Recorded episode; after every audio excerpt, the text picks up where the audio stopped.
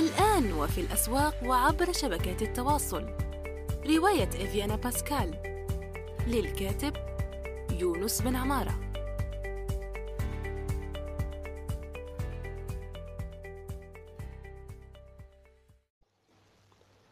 السلام عليكم ورحمة الله وبركاته. في حلقة جديدة من يونس توك وسوف نحكي فيها هذه المرة عن آه، الأدب وليس الترجمة لأننا لأنني عندما أطلقت لأول مرة البودكاست آه، وضعت الوصفة فيه الأدب والترجمة والإدارة.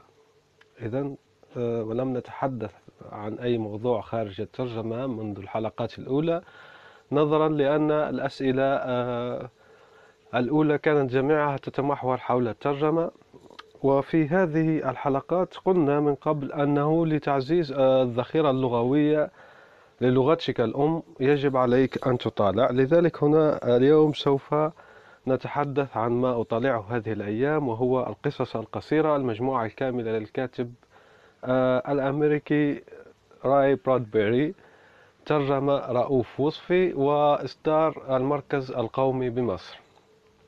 هي على كل حال مجموعة قصصية ضخمة من أربع مجلدات لذلك لم بطبيعة الحال لم أقرأها كلها حتى الآن إنما قرأت المقدمة ومقدمة الكاتب والقصة آه، آه، القصيرة الأولى فقط. لذلك سوف نحكي عنها وسوف نحكي عن آه، بعض بعض الشيء عن المقدمة. مقدمة المترجم كعادة كتب مركز القومي بمصر طويلة جدا وفي الحقيقة هي مزعجة بعض الشيء. هي مفيدة لكن مزعجة بعض الشيء. أه تحتوي المقدمة كيف عاش برادبيري وإلى آخره كذا كذا ويقول المترجم ويزعم الكاتب أي برادبيري أنه كان يكتب يوميا قصة قصيرة طيلة أربعين عام.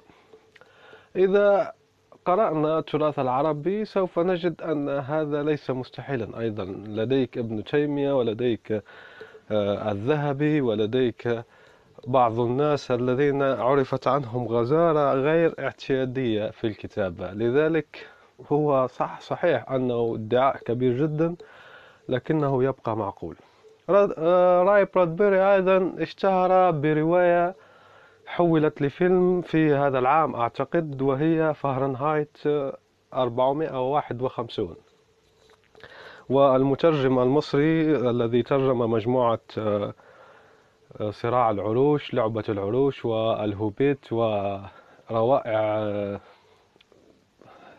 روائع اسمه اسمه غريب بعض الشيء الكاتب الأمريكي ذاك تشاك بولينياك أي تشاك بولينياك. هذا إن كان النطق صحيحا لاسمه.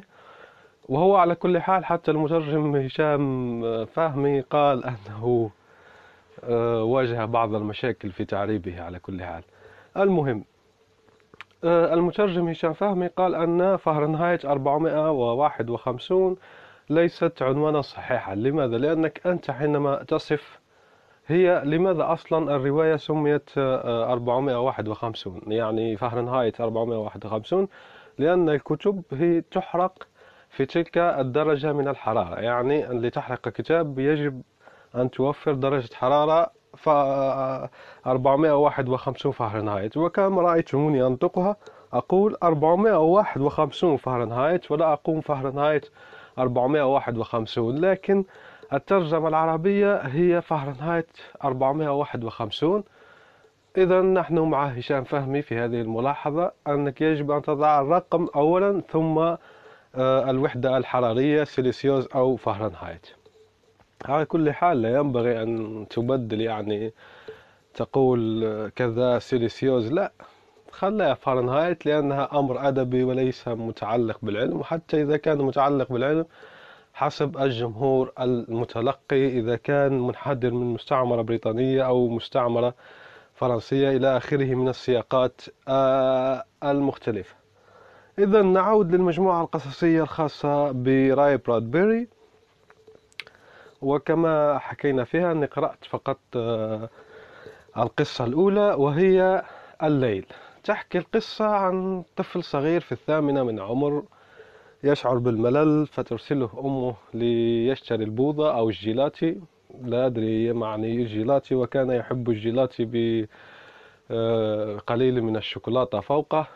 ثم لما يرجع تقسم الأم آه، إلى ثلاثة أجزاء له ولأخيه الأكبر منه. أخوه الأكبر منه كان يلعب في كرة القدم ويلعب مع أصدقائه وكان يسهر يعني لمدة أكثر من الطفل آه، ابن الثامنة. وكان هذا يعني يرجع إلى البيت من آه، بعد فترة طويلة من الزمن. على كل حال هم كانوا ينتظرون ينتظرون الابن الأكبر ربما كان عمره 12 سنة ولا أدري وينتظرون الأب. هنا هناك شيء غريب نوعا ما حول الأب. الأب هو الأب سوف يحضر من محفل ماسوني يا ستار. يعني يعني ينتظرون الأب لكي يأتي من محفل ماسوني. الأم تنتظر على كل حال والطفل يحاول تجزية الوقت في الانتظار لكنه والطفل الآخر يعني الأخ الأكبر كان لديه وقت معين يظهر فيه. الأم بدأت تقلق عندما لم يظهر في ذلك الوقت. لذلك قالت قالت لولدها الصغير هيا بنا نذهب لنبحث عن عن أخيك. قالت له البس الحذاء لكي لا يصاب بالبرد. كان جو القصة يعني ساخن وهو مناسب للأجواء الحالية. قال لا, لا لن ألبس لن ألبس الحذاء وسأكون بخير. إلى آخره. المهم خرجوا وذهبوا بعد عبر طريق من الحارات والشوارع المظلمة والمخيفة. وفي نهاية القصة ولا أريد أن أن أحرقها يعني القصة لا أريد أن أحرقها. المهم هي تصف بدقة المشاعر خاصة إذا كنت أنت وحيد أبويك لن تفهم هذه القصة أبدا. عليك أمان الله لن تفهم القصة إطلاقا. لكن إن كنت معناها في عائلة كبيرة عدد الأفراد وفرد من الأفراد ضاع لفترة قصيرة أو طويلة مهما كان المهم أنه ضاع. وعندما ينتشر ذلك الشعور المخيف والمفزع والرهيب بأن شيئا فظيعا سوف يحدث لأخيك المفقود هذه القصة تؤدي هذا الشعور بدقة كبيرة. لذلك آه، المترجم محق في مقدمته حينما قال أن قصص برادبيري ليست بالضبط خيال علمي. يعني لسنا دقيقين جدا عندما نقول رأي برادبيري هو كاتب خيال علمي. لأن هناك آه، رعب نفسي هناك رعب علمي هناك وهو يختلف عن إسحاق أزيموف. لأن إسحاق أزيموف يصف بدقة الآلات آه، ويصف بدقة المنهج العلمي ويصف بدقة الأسباب العلمية لكن راي برادبيري لا يهتم بكل ذلك ولا يصف ولا يقول لك كيف حدثت هذه الأشياء علميا أو غير علميا. وأيضا هناك أمور داخلة من ناحية أخرى باراسيكولوجي والخوارق وما إلى ذلك. يعني ليس بدقة تماما أن نصفه بأنه من كتاب الخيال العلمي البحت كما يقال لأنه هو كاتب على كل حال.